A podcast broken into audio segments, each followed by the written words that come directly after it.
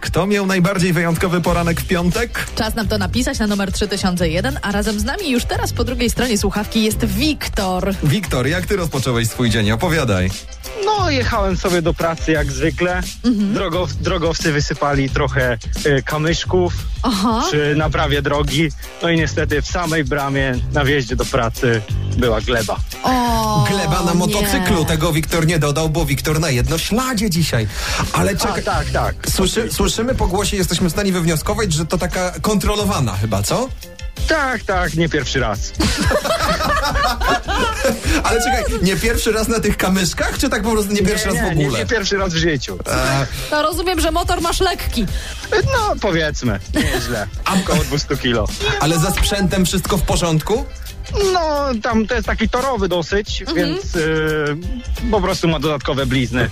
Okej, dobrze, Czyli czyli... widać, że zaprawiony w boju. Tobie rozumiemy, też się nic nie stało. Czy y, koledzy z pracy widzieli? Widzieli, trochę się pośmiali. Kamery nagrały? Filmowe? Niestety, niestety nie. Niestety nie. Nie no, niestety, niestety, przynajmniej nie zostaniesz internetową legendą. No, a szkoda. A szkoda! A szkoda, no, Zobacz, no a i byłaby kariera już w internecie zrobiona, no. no teraz to tylko karierę w internecie można robić. No, Innej sceny na razie nie znajdziesz.